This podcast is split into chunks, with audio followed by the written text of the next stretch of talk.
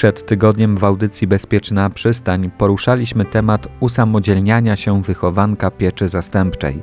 Zanim ruszymy z kolejnymi zagadnieniami wokół tego tematu, wcześniej krótkie przypomnienie. Osoba na miesiąc przed 18 rokiem życia sporządza tak zwany indywidualny program nauczania. Jest to rodzaj dokumentu, w którym deklaruje, z jakich form pomocy będzie chciał skorzystać i w jakim terminie. Oczywiście, mając 18 lat, człowiek nie musi mieć wiedzy, co na pewno będzie chciał robić w życiu, więc każdy z zapisów tego programu można zmienić. Indywidualny program usamodzielnienia określa, z jakiego rodzaju wykształcenia będzie chciał skorzystać młody człowiek i idzie za tym pomoc na y, kontynuowanie nauki. Również są y, dwie formy pomocy finansowej: pomoc na usamodzielnienie i zagospodarowanie, i rodzaj przeznaczenia tych pieniędzy też młody człowiek sobie określa i to mu też wolno zmienić. Jak dodała Małgorzata Major, pracownik socjalny Stowarzyszenia na Rzecz Pomocy Dziecku i Rodzinie dla Rodziny, proces usamodzielniania się wcale nie musi rozpocząć się wraz z 18 rokiem życia, ale w tym przypadku muszą być spełnione określone warunki. Jakie?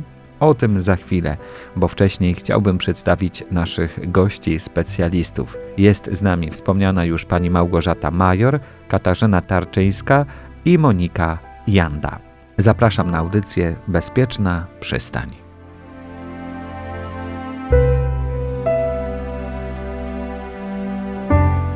Czy proces usamodzielniania się można jakoś wydłużyć w czasie? A można, bo wcale nie trzeba się usamodzielniać w wieku lat 18. Można być w każdej formie pieczy zastępczej aż do 25 roku życia, o ile kontynuuje się naukę. Nikt nikomu nie każe wychodzić z placówek po 18 roku życia. Tak samo nikt nikomu nie każe wychodzić z rodziny zastępczej. Można być nawet do 25 roku i korzystać wtedy ze świadczeń należnych rodzinie zastępczej.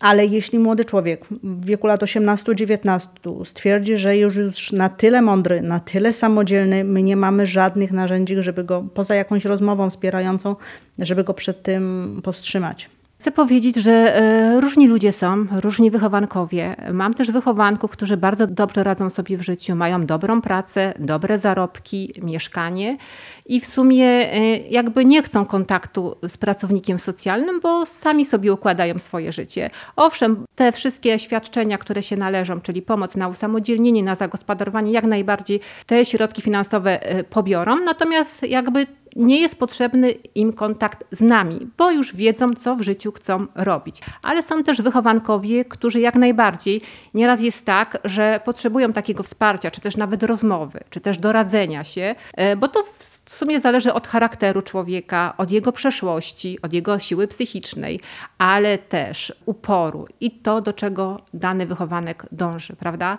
No, różni wychowankowie są, różne też mamy relacje. Ja też na przykład mam wychowanków takich, gdzie ten kontakt jest utrudniony, gdzie na przykład e, ja szukam danego wychowanka, mam numer telefonu, dzwonię, e, okazuje się, że dany wychowanek czy wychowanka zmieniła numer telefonu.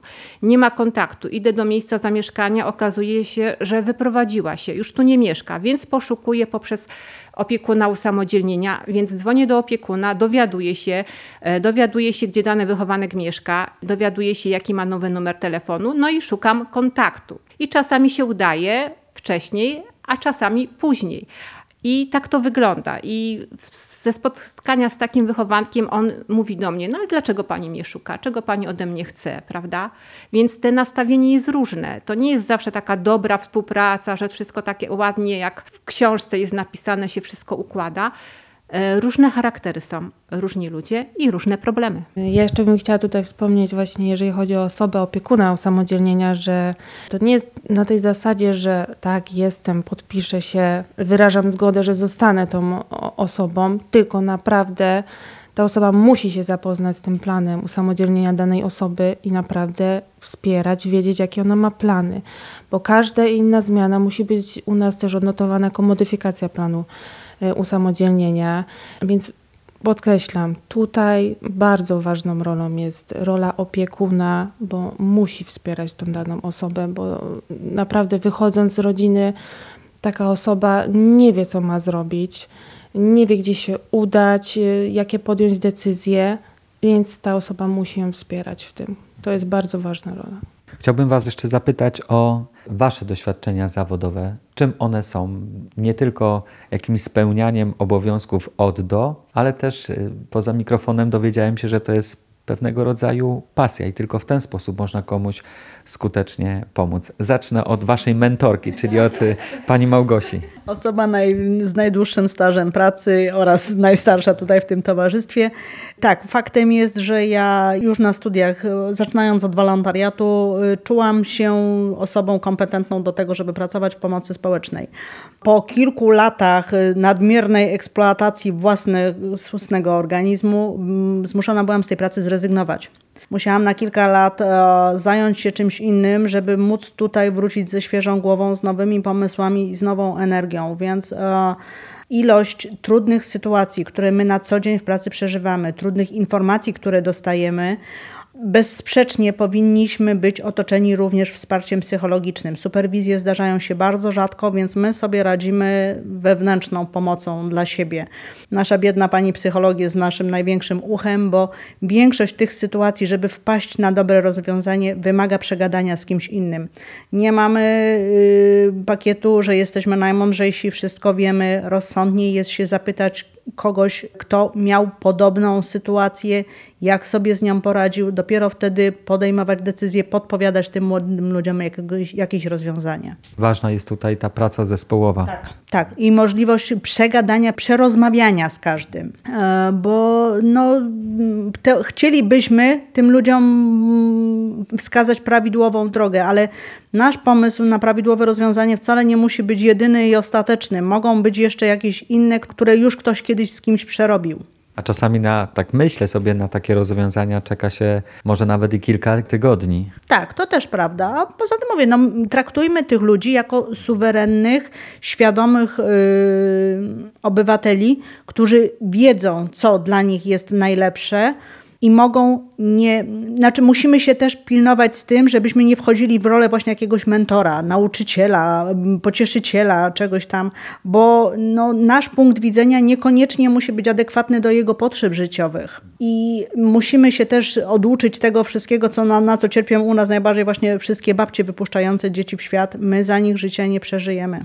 To jest ich życiorys, mają prawo do własnych błędów, do własnych potknięć. My jesteśmy od tego, żeby im drogę wskazywać, a nie ich wyręczać w ich decyzjach. Pani Kasiu? Dokładnie jak powiedziała koleżanka. Nie wolno też za bardzo ingerować. Można się przypatrywać, stać z boku i ewentualnie robić jakieś korekty, ale nic więcej, bo każdy człowiek ma swoją mądrość. Każdy człowiek kieruje się też swoją wewnętrzną y, intuicją i podejmuje dla siebie takie kroki, które wydają mu się, że w przyszłości będą dla niego dobre. Później życie to weryfikuje. Różnie to bywa, ale tak jak powiedziała koleżanka, ten nie popełnia błędów, kto nic nie robi. Jeszcze dopytam o to towarzyszenie drugiemu człowiekowi w jego rozwoju, czy w rozwojach, bo w liczbie mnogiej też możemy tutaj powiedzieć na różnych płaszczyznach. Dokładnie tak, ale ja jeszcze chciałam powiedzieć o jednej rzeczy, że mnie sprawia dużą przyjemność, jeżeli widzę, że dana osoba jakby wychodzi na prosto i że jakiś odnosi sukces, że sobie planuje i zgodnie z tym planem te jej życie się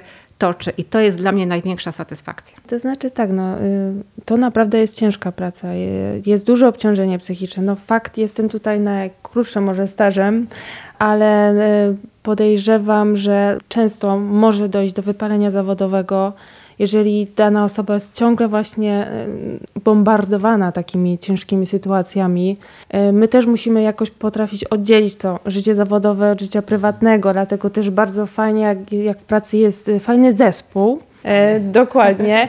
E, możemy się wspierać i korzystać z doświadczenia właśnie starszych koleżanek, kolegów, którzy mogli mieć styczność z jakąś ciężką sytuacją, prawda? No tutaj, tak jak mówię, no, musimy jakoś po prostu dać radę Jesteśmy tutaj w tej pracy, bo lubimy pomagać innym ludziom. Jak najbardziej nie będziemy wyręczać we wszystkim, tylko wskazywać im jakąś drogę. Jest to praca z ludźmi, bywa ciężka, ale damy radę. Ktoś musi.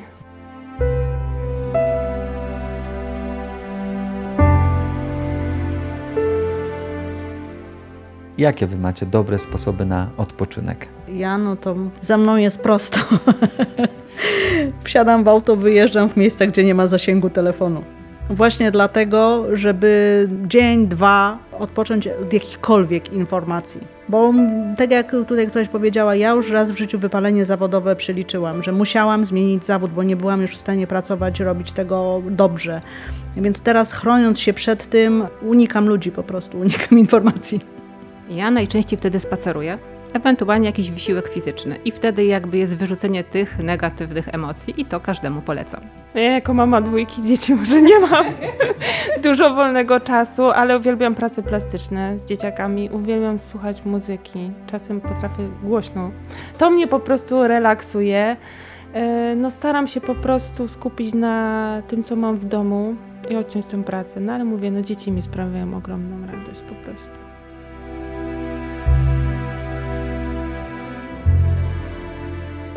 I niestety czas naszego spotkania dobiegł końca. Więcej tematów w cyklu audycji Bezpieczna Przystań na stronie radiojasnagora.pl w zakładce podcasty. Wszystkie osoby, które pragną pogłębić swoją wiedzę na tematy, które dziś zostały poruszone, jak też i te związane z codzienną działalnością Stowarzyszenia na Rzecz Pomocy Dziecku i Rodzinie, dla rodziny odsyłam do internetu oraz do siedziby ośrodka, który znajduje się przy ulicy Sułkowskiego 9 w Częstochowie.